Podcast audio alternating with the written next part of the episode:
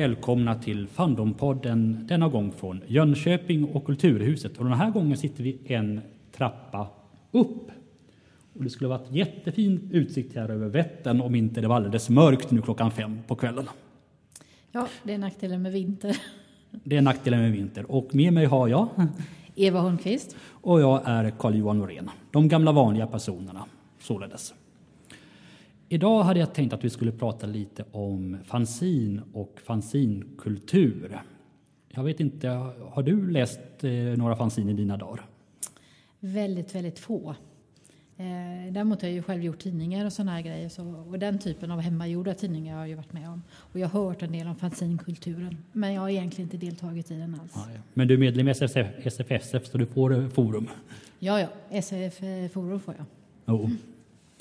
Skulle Sverige- du beteckna det som ett fanzin? Ja, utan tvivel. Eh, Det är Sveriges äldsta fortfarande utgivna fanzin. Eh, Det är inte många s- fanzin heller i, i världen som är äldre. Det finns några stycken, men inte är det många. Då ser man. Då har jag nog läst fler än vad jag har tänkt. Ja. Eh, Så SF Forum är ju... Det kan vi kanske gå tillbaka till. SF Forum startade ju 1959 när Skandinavisk förening för science fiction startade. Eh, Och haft ett antal be- bemärkta redaktörer som Steve Sam Sandberg och Bertil Mårtensson och Samuel Lundvall och John Henry Holmberg. Så eh, det är en ganska illuster skara. Ja, idel kända namn. Ja, numera är det ju Thomas Kronholm som är redaktör för det. Eh, under en, och du frågar just om SF Forum var ett eh, fanzin. Under en period på 80-talet så gjorde jag faktiskt ett försök att liksom få eh, SF Forum att bli liksom en mer än en ordinär tidskrift mer än ett fanzin. Men eh, det föll väl egentligen aldrig sådär riktigt väl ut, det försöket. Och då som jag som inte är sådär jättehemma i fanzinvärlden, så vad skulle du beteckna ett fanzin? Vad krävs för att det ska räknas som ett fanzin? Det är ju... Eh, jag skulle säga att det som... Eh, nu är frågan ifall man pratar om SF-fanzin eller fanzin i största allmänhet. För det, är liksom, det har använts till, till två olika... Vi kan väl kalla SF-fanzin just för den här frågeställningen. Ja, precis. Eh, det är ett amatörtidskrift, eller ama, ja, tidskrift, eh, tidning, eh, trycksak eller vad man ska kalla det för. Eh, som görs av SFANs, för SFANs, utan vinstintresse och som präglas av en hög grad av interaktion och rollbyte. Man eh, ger ut sitt eget fanzin, medverkar i andras, läser andras. Eh, så man befinner sig i en sorts eh, loop här mellan att vara läsare, redaktör, författare, skribent, illustratör eller medverkande på andra sätt. Och liksom det, där, det där görs i, liksom i en, tillsammans med andra som ger ut fanzin. Så för mig så är eh, att prata om eh, en enda titel fanzin är liksom, det, är lite, det känns lite konstigt för det är en hel kultur runt omkring. Men då skulle du egentligen beteckna brev från Kosmos till exempel som ett fanzin? Ja, Även det skulle, jag, det skulle jag säga att det är. Eh, för det för det ges ut inom SF-fandom och för SF-fans. Nu så tror jag att Club Cosmos har lite, vill att det ska liksom kunna vara som en novelltidskrift också. Så det befinner sig liksom i, eh, om man ska säga så här, det är en eh, den har väldigt många fan, drag av fanziner samtidigt som den har drag från vanliga tidskrifter också. Men all, all, alla de här sakerna befinner sig liksom i en... Det är liksom en väldigt, väldigt stor gråzon här emellan också.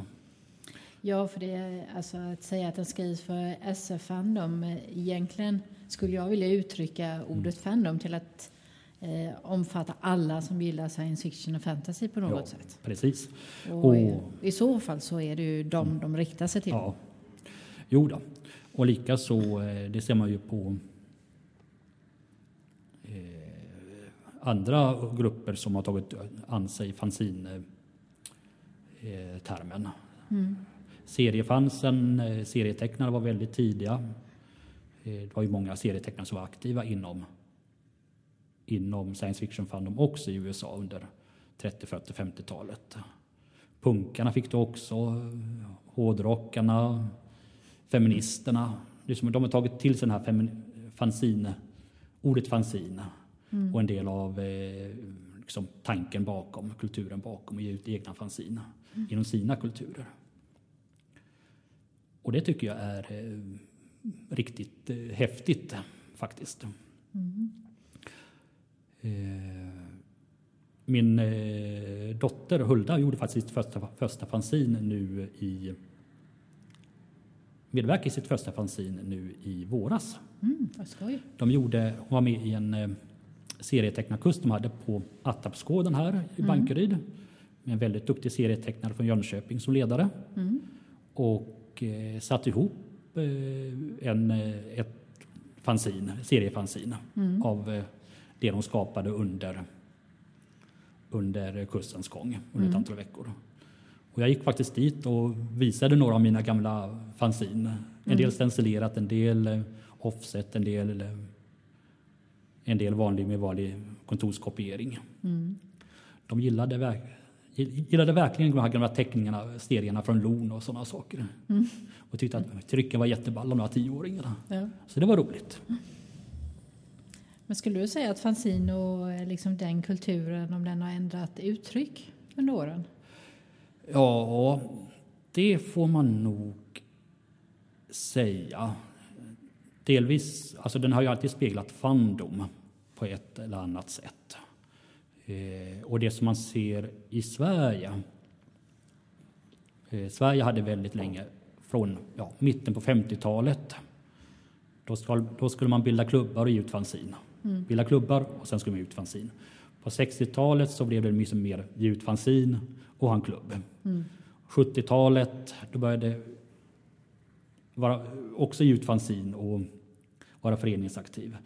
Eh, men, och där började det ändra sig med internet och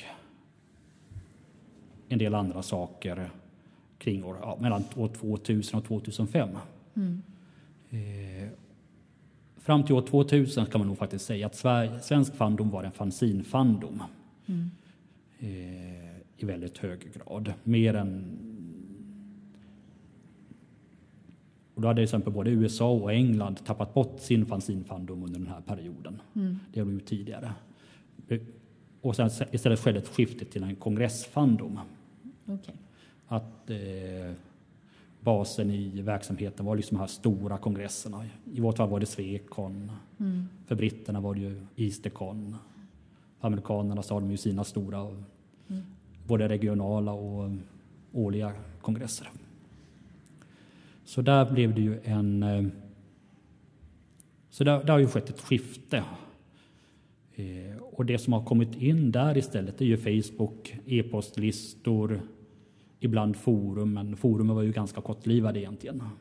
Ja, har inte e-postlistorna också eh, liksom spelat ut sin roll? Ja, e-postlistorna har ju fortfarande sin roll i svensk fandom, speciellt Fanac-listan, men den är... Eh, det är inte vår främsta kommunikationskanal inom oss längre, utan nu, liksom, nu lever ju liksom den dagliga konversationen på, på Facebook. Mm i olika grupper. Ja, i första hand svenska SF och fantasyfan som jag hoppas att alla lyssnare är med i. Ja, eh, där pågår det ju ganska mycket dialog. Ja, och eh, jo, det, alltså, det, det är jättemycket dialog där. Det är jättekul många som läser. Mm. Samtidigt, och jag gav ut fanzin, gav ut första fanzin ungefär 2000 eh, hette, hette eh, Fandoms kommunnytt. var ett nyhets och skvallerfanzin. Gavs ut en gång i månaden till Stockholms Fandoms pubmöten. Eh, brukade dela ut det och sen så satt alla och läste på pubmötet. eh, och, eh, så det var populärt och sen fanns ju SFF, Stocksunds fanzinföreningar och senare Sveriges fanzinförening som man kunde distribuera, samdistribuera fanziner med. Mm. Men den föreningen har ju gått i graven nu. Eh, det fanns ytterligare några till fanzin som kom ut ur den här eh, faggorna också. Men eh, det som jag tycker jag saknade med eh, fanzinkulturen som man tappade med flytta över till bloggar och till till bloggar och till Facebook. Det var det att första var liksom att fanziner var liksom en typisk, det var liksom en artefakt, det var en sammanhållen helhet. Mm. Det får du inte vare sig på Facebook eller i Nej, precis. Du får liksom ett, en ström, ett flöde egentligen. Ja, det får du. Eh, och att, eh, så, så, det saknade jag. Eh, jag tyckte också jag saknade att de här längre sammanhållna artiklarna mm. Eh, som de saknar jag också, för det, det, det, det, det kan man göra på e-post men det funkar inte alls på Facebook. Nej, och jag skulle nog argumentera för att det funkar inte särskilt bra på e-post heller. Nej. För folk läser inte långa e-mail. Nej. Och eh, likaså eh, saknar den här redaktörsbiten. Att göra liksom att man, jag, som, jag sätter ihop den här sammanhållna artefakten mm. av saker jag får från andra. Mm. Och sen så ger jag dem till andra också. Mm. Eh, en blogg är ju någonting som man besöker. Ja, och det är, alltså det är ju inte ett eh, redaktionsinnehåll på det sättet. Nej. Eh, utan där är det ju mera att den som har bloggen skriver kanske, och då är det oftast kortare artiklar. Ja. Och sen kan du få respons på det, men ja. det blir ju inte, det blir inte samma sak. Nej, alltså det är inte riktigt, alltså du kan ju eh, det finns ju en del eh, bloggar som liksom blir, gått över till att bli, liksom, eller en del fanzine som gått över till att nästan bli bloggar. Mm. Men det är inte så många och det är inte helt... Eh, den här redaktörsrollen försvinner till stor del. Mm.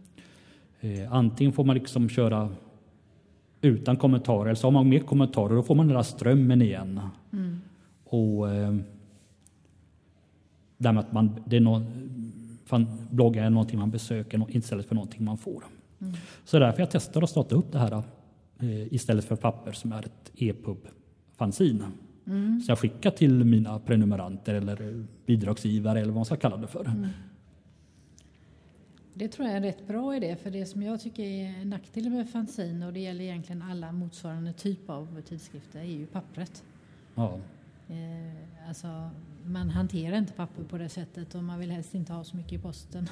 Nej, och eh, alltså det märkte jag ju själv när vi höll på med eh, fanzinen och SFF-bulletin i början på 2000-talet om att det var dyrt, det var krångligt, eh, det var väldigt mycket jobb. Det var ett roligt grej att göra. Mm.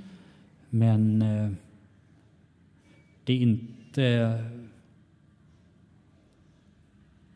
Jag är glad att jag har gjort det, men jag vet inte ifall jag saknar att göra det om man säger så. Nej. Nej men alltså, det roliga delen i det hela är ju en mindre del när du gör ett ja. pappersfanzin. För ja. det blir rätt mycket administration och mycket liksom... Sen så har jag märkt att eh, det blir ganska mycket administration och pill även med eh, mitt EPUB-fanzin. Mer än jag räknade med egentligen. Ja, det kan jag eh, tänka mig faktiskt. Och en sak som jag gjorde, ett, när jag började fundera på det där. Wolf von Witting är en av de få liksom, gamla fanzinisterna som fortfarande är, håller fortfarande är aktiva i svensk fandom. Han ger mm. ut Counterclock, jag vet inte om du har läst något av det? Fin, det ges ut på engelska. Han, ut, han började ge ut det 1997-98. Mm. sen hade han en ganska lång paus. Men han har tagit upp utgivningen igen. Skriver mycket om fanhistoria och europeisk fandom. Mm. Och på engelska. Eh, och det finns att hämta på efanscience.com heter mm. adressen hans fanzine heter Counterclock. Och, eh, men han ger ut det som pdf. Mm. Och när man tänker elektronisk fanzine så tänkte jag också pdf, för då kommer man liksom så nära papper som möjligt. Men det kändes lite grann som en återvändsgränd för mig också. Mm. Eh, jag får alla papperets nackdelar. Mm. Men jag får liksom inga av elektronikens fördelar heller. Och har upplevt att eh, jag drar mig faktiskt för att läsa pdf. För oftast är det så att om du läser någonting elektroniskt så oftast är det på telefonen du läser det. Ja. Och en pdf på telefonen blir inte bra. Nej, det blir det inte. Eh, det är för liten skärm för att det ska bli bra och den skalar liksom inte. En e-pub däremot anpassar sig liksom till den skärmstorleken du har då. Så det funkar bättre tycker jag att läsa på det sättet. Ja. Jo då, det är därför jag gjorde, bestämde mig för att testa e-pub Mm. När jag gjorde istället, istället för papper. Sen så har jag upptäckt att det finns eh, en, man tappar en bort en del saker som fanns i den här gamla fanzinkulturen. Eh, En klassisk sak var ju de här att man hade små fillos som det kallades, filler-illos. Eh, små bilder som man stoppade in där man hade utrymme på sidorna. Likaså den här traditionen med linos som det kallas. Eh, små korta märgfulla citat eller uttryck som man stoppade in mellan två stycken rader som, som var att fylla ut utrymmet mellan två artiklar eller utrymmet längst ner på en sida. Det är därifrån som jag har fått uttryck som fandomer är egentligen mycket större, något mycket större än oss själva. Eller Yngve är en lus. Det tycktes, tycktes i för sig först i en bok, men eh, det var väldigt populärt. Eh, kanske eftersom Yngve Holmberg var partiledare för Folkpartiet vid den tiden.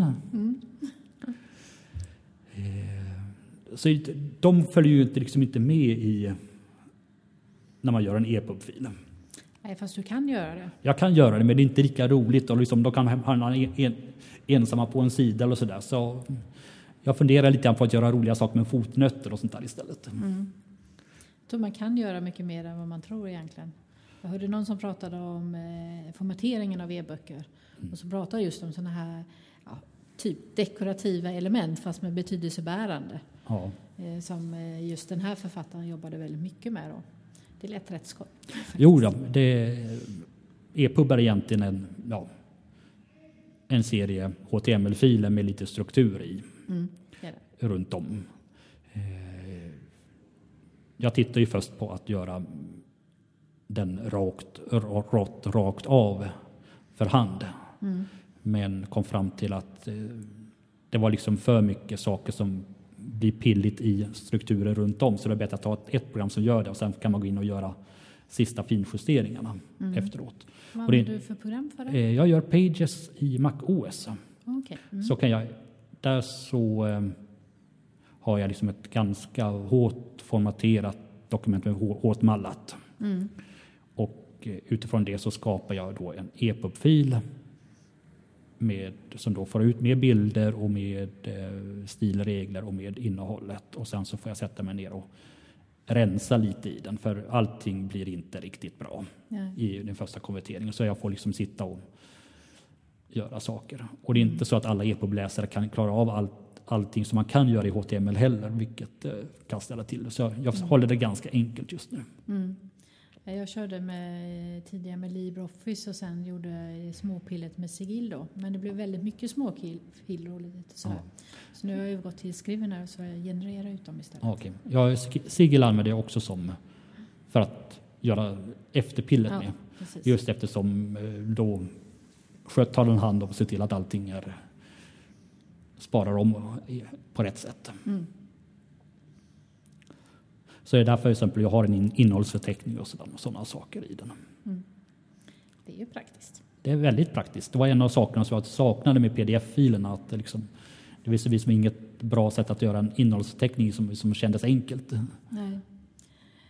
Eh, Men vad tror du? För att det finns ju en trend att överhuvudtaget föreningsliv dör ut i Sverige. Vi har ju varit väldigt föreningsstarka. Jo. Så Alltså- tror du det påverkar det här med fanzine och sånt också? Ja, jag tror att det, det kan kanske vara en del i det hela. Eh, skulle inte förvåna mig. Eh, jag hade faktiskt en eh, god, gammal god vän, Anders Hultman, gammal SF-fan och eh, radiokille. Eh, han eh, körde buss numera och skulle byta av i Jönköping så han var nere hos oss innan han skulle byta av. Och vi pratade just om föreningskultur och sådär. Och eh, det är nog en sak som, man, som jag, jag kan se liksom Tidigare umgicks man väldigt mycket med hjälp av föreningar. det gjorde man. Eh, jag tittar bara på, på mina föräldrar som är gamla vänsterpartister och när jag var, bodde hos dem så liksom en stor del av deras sociala umgänge var med partikamraterna i partiföreningen. Mm. Man gick på fest med dem, eh, man hade medlemsmötena eh, och sådär. Och man gick på varandras födelsedagsfester. Men mycket av det där har liksom försvunnit och minskat extremt mycket. Mm. Eh, vi håller ju på med orientering då, för även om det minskat nu när sonen flyttat hemifrån. Ja. Men där var det också lite grann sådär att eh, man umgicks i orienteringsföreningen Precis. hela, hela tiden. Men det har ju minskat drastiskt nu och man åker liksom individuellt till tävlingar och när man har sprungit så åker man därifrån direkt istället för att stanna kvar tills alla kommit i mål och sånt där. Ja, okay. ja. Så att just inställningen till det här med att umgås via föreningar tror jag ändrar sig ganska drastiskt. Jo, jo och eh, det vet jag att Anders Hultman han sa liksom det att eh, idag, men tidigare var liksom tidigare när liksom på 80-talet var det så att man var medlem i en förening, alltså man ville vara med i en förening och vara mm. aktiv mm. i den. Eh, numera är man med i en förening kanske eftersom man be, måste, behöver vara med i den. Mm. Vill, vill jag kunna vara med och vill jag att dottern ska vara med och kunna spela fotboll så får jag väl gå med i fotbollsklubben. Vill jag mm. att eh, ska jag bo i det här huset så måste jag gå med i bostadsrättsföreningen mm. och så vidare. Ja, det är inte frivilligt på samma sätt. Det är inte, alltså det är inte, ett, eller det är inte ett val på samma sätt kanske. Nej. Och anledningen till varför jag funderar på det här med koppling till fanzin är ju att fanzinen är ju traditionellt ganska mycket som handlar om vad som hände i liksom den här kretsen. Och om man då tänker sig att eh, intresset för den typen av gemensamma aktiviteter minskar så kanske intresset för att läsa om dem också minskar.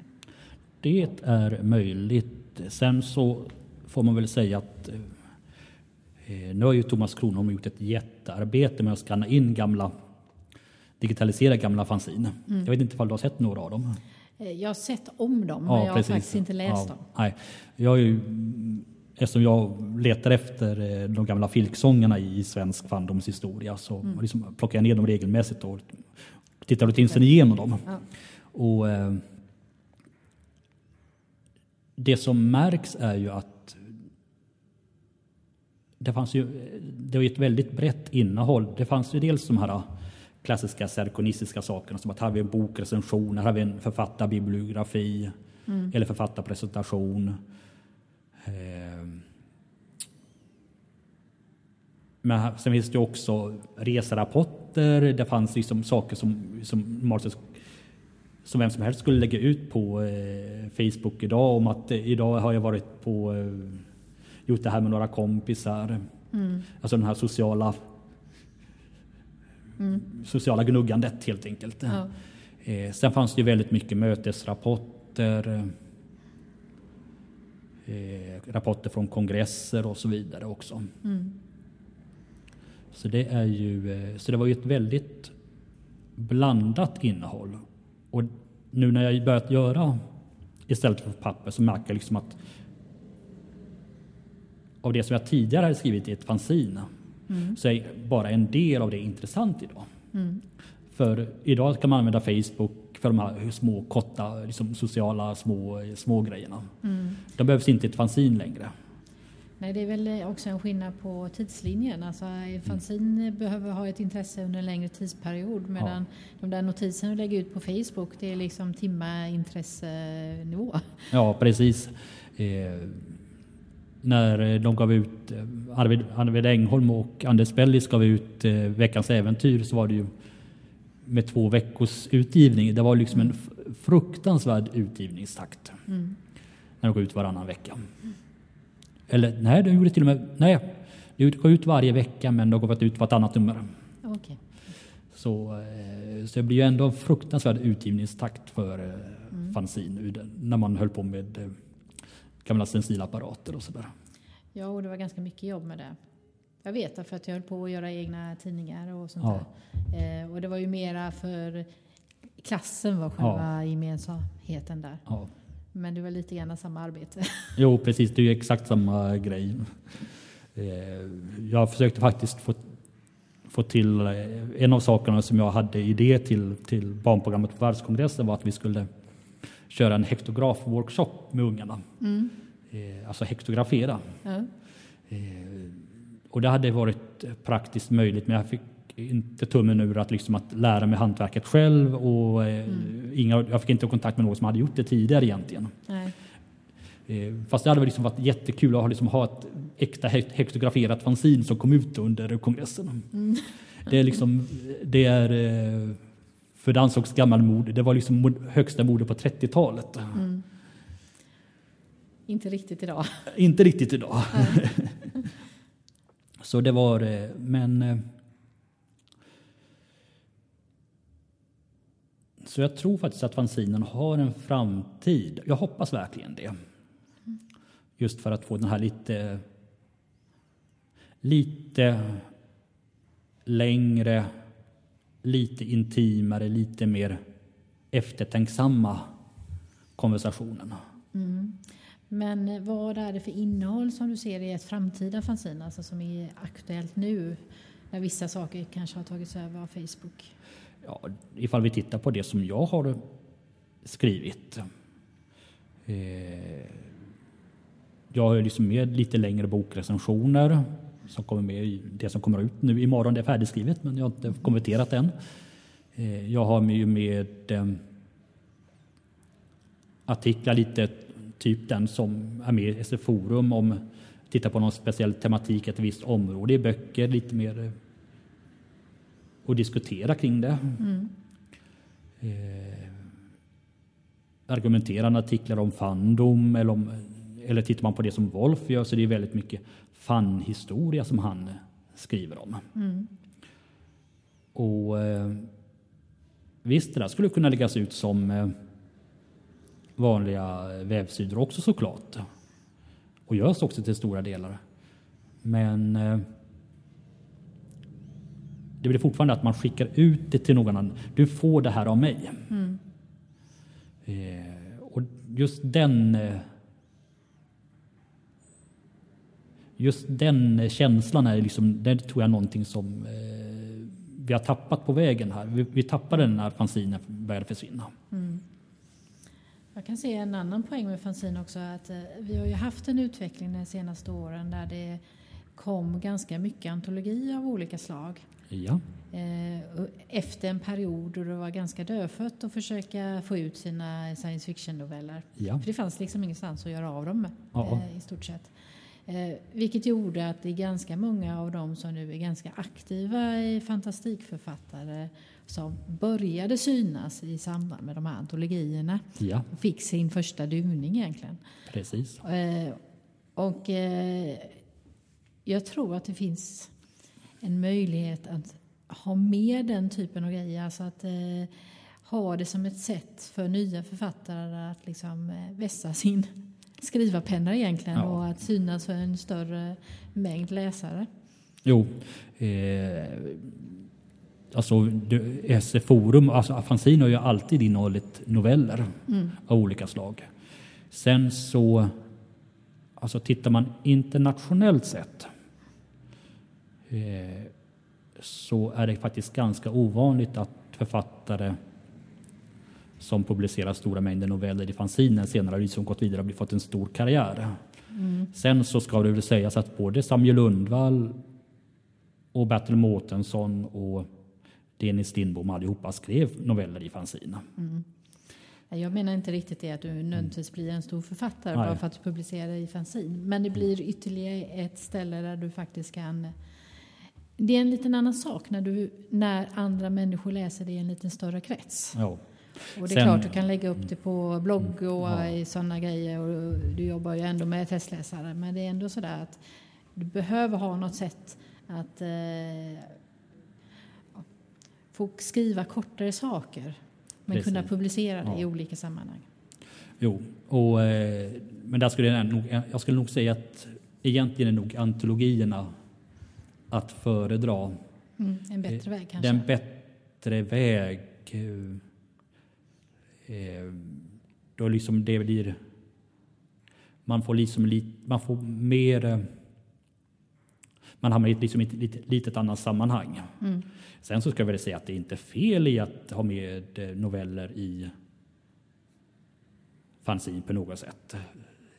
Och det har funnits en del renodlade novellfanzine i Sverige. Mm. Men, eh, men då börjar man liksom närma sig det här med, med vad går gränsen mellan magasin, novell, fanzine eh, här? Ifall man liksom verkligen har med ett novelldominerat fanzine. Mm. Och det är ju frågan om, om jag går gränsen vid om det är ett vinstintresse bakom eller inte. Är det det som liksom är gränsen? Eller är det vilken publik du riktar dig till? Ja. Det kan du debattera ganska mycket. Ja, det kan man diskutera. Och ifall man tittar på de här sakerna som kom ut i Sverige på 20-30-talet, 10-20-30-talet, var det de här ungtidskrifterna. Mm. Eh, ett gäng författare, ö- ofta yngre, gav ut någon form av liksom, olika stridsskrifter. Mm. Men, och det där har ju liksom en del av likhet med fanzinen. Men samtidigt är det liksom inte det. Eh, delvis eftersom Ja, av olika skäl. Dels så var det väl en... Fanzinen bygger liksom... Man har en relation både till de som man skriver till och det här med eviga by, bytet från, av roller. Mm. Det fanns till exempel inte där. Och likaså inte heller fanns det ju eh, deras samband eh, att, liksom att man erkänner varandras roller. Och det är liksom en sak som är liksom väldigt ovanlig i tidningar. Att liksom man eh, nämner knappt de andra tidningarna vid namn. Eh, medan däremot i fanzinen är det en självklarhet. Mm. Och eh, så eh, de här ungtidskriften, det det var liksom olika typer av eh, Amateur Press Association som kom i USA, liksom man, för, som en sorts journalistiskt verktyg. De var liksom förelöpare till fanziner men de kom, liksom, kom, skapade inte en fanzinkultur runt omkring sig. Nej. Vinstintresse. Jag skulle nog säga att det går liksom inte att göra ett fanzine med vinstintresse, men inte någonting som karaktäriserar fanzinet heller. För det är så mycket Nej. annat som inte, också, som inte, inte heller har det. Nej, eh, jag tänker annars att om du... Eh, alltså att du kan ha fanzin med olika innehåll. Och eh, baserat då på den som ger ut fanzinet vad han eller hon är intresserad av att ge ut helt enkelt. Ja, precis. Och det ser man ju. Vi har ju haft seriefanzin, science fiction-fanzin, eh, punkfanzin, hårdrocksfanzin, feministiska fanzin. Eh, som allihopa har kommit ut. Och eh,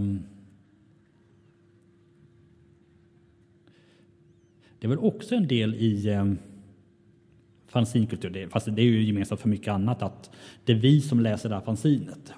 Mm. Det är ett sätt att skapa en gemenskap till någonting. Det är vi som lyssnar och gör den här podden tillsammans. Eller Mm. det är vi som eh, gör, eh, gör den här kongressen eller nå någonting annat. Där kan man ju tänka på olika sätt. Antingen så är det verkligen så att man riktar sig bara till den egna umgängeskretsen. Ja, precis. Eller också tänker man sig att ja, men jag riktar mig till alla som tycker det här är intressant. precis. Så öppnar du upp det lite mera. Ja, och båda två har ju funnits inom SF-fandom. Mm. Eh, Det fanns en del eh, fanzin som liksom gavs ut som, eller apor i svensk fandom som kanske bara hade fem, sex, sju personer som fick läsa dem. Mm. Och sen började de fejda med varandra, fast förklara varandra i blockad och sen så var det, då skickade jag inte till dig då. Oh, fanzinblockaderna var eh, stora saker på eh, 80-talet. Okej. Det var tur att jag inte var aktiv inom Fandom då. Jo, Eh, Men det här fanzinen som du har gett ut nu, mm. hur mycket intresse har du fått för det? Inte, ja, en del. Eh, det var en, liksom det, det märktes lite grann att det var väl sju, åtta personer som hörde av sig direkt. Skitkul, det här är jättekul. Eh, sen så hörde jag inte så mycket mer efteråt. Nej. Eh, och nu så har jag gått ut med nästa, sen gick ju nummer två ut och eh, jag fick ungefär lika mycket respons på det också på olika sätt. Eh, så just nu så, vi får se efter, just nu ligger jag kanske på typ 15 läsare eller sådär. Mm. Jag hoppas att kunna få upp lite mer. För det, det är liksom, samtidigt så tänker jag att jag, jag är väldigt, jag kommer att vara väldigt strikt med att vill du ha det här så måste du liksom ha det här, det vanliga. Du måste ge någon form av respons. Annars får du det inte längre. Nej. Eh, för det är... Eh, det handlar ju helt enkelt om att man liksom ändrar in beteendet att eh, liksom ge respons, ge lite feedback. Det behöver inte vara något speciellt, men liksom bara tack för numret. Det räcker. eh, även om jag gärna tar emot an- andra saker, längre brev eller eh, artiklar eller någonting annat också. För jag tror att eh, Jag tror att svensk fandom skulle må bra av att ha det. Några, kanske några till.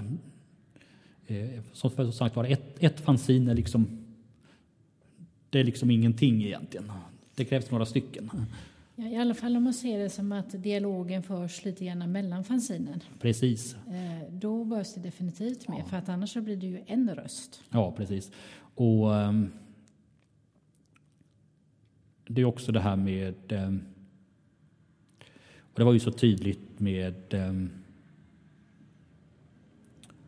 med eh, under 80-talet. Där man liksom, var det någon som skrev någonting i ett fanzine som man inte höll med så kom ut sitt eget fans, så kom man ut motartikel i sitt eget fanzine. Man krävde inte att, liksom att man kanske skrev ett litet lock och att man inte höll med. Men eh, till stora delar så gjorde man, kom man ut sitt eget fanzine.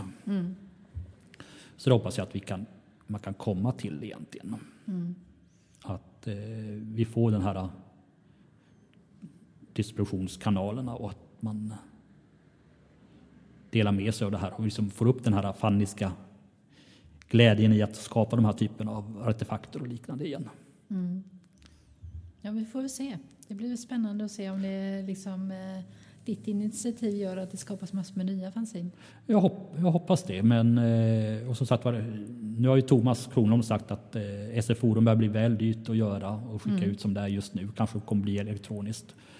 Och det har tydligen varit så för en del andra internationella klubbblad och klubbfanzine. Så vi får se hur det eh, kommer att bli. Counterclock distribueras redan nu som en pdf-fil. Ja, jag har svårt att tänka mig att pappersfanzin kommer att eh, fortsätta att leva så länge till.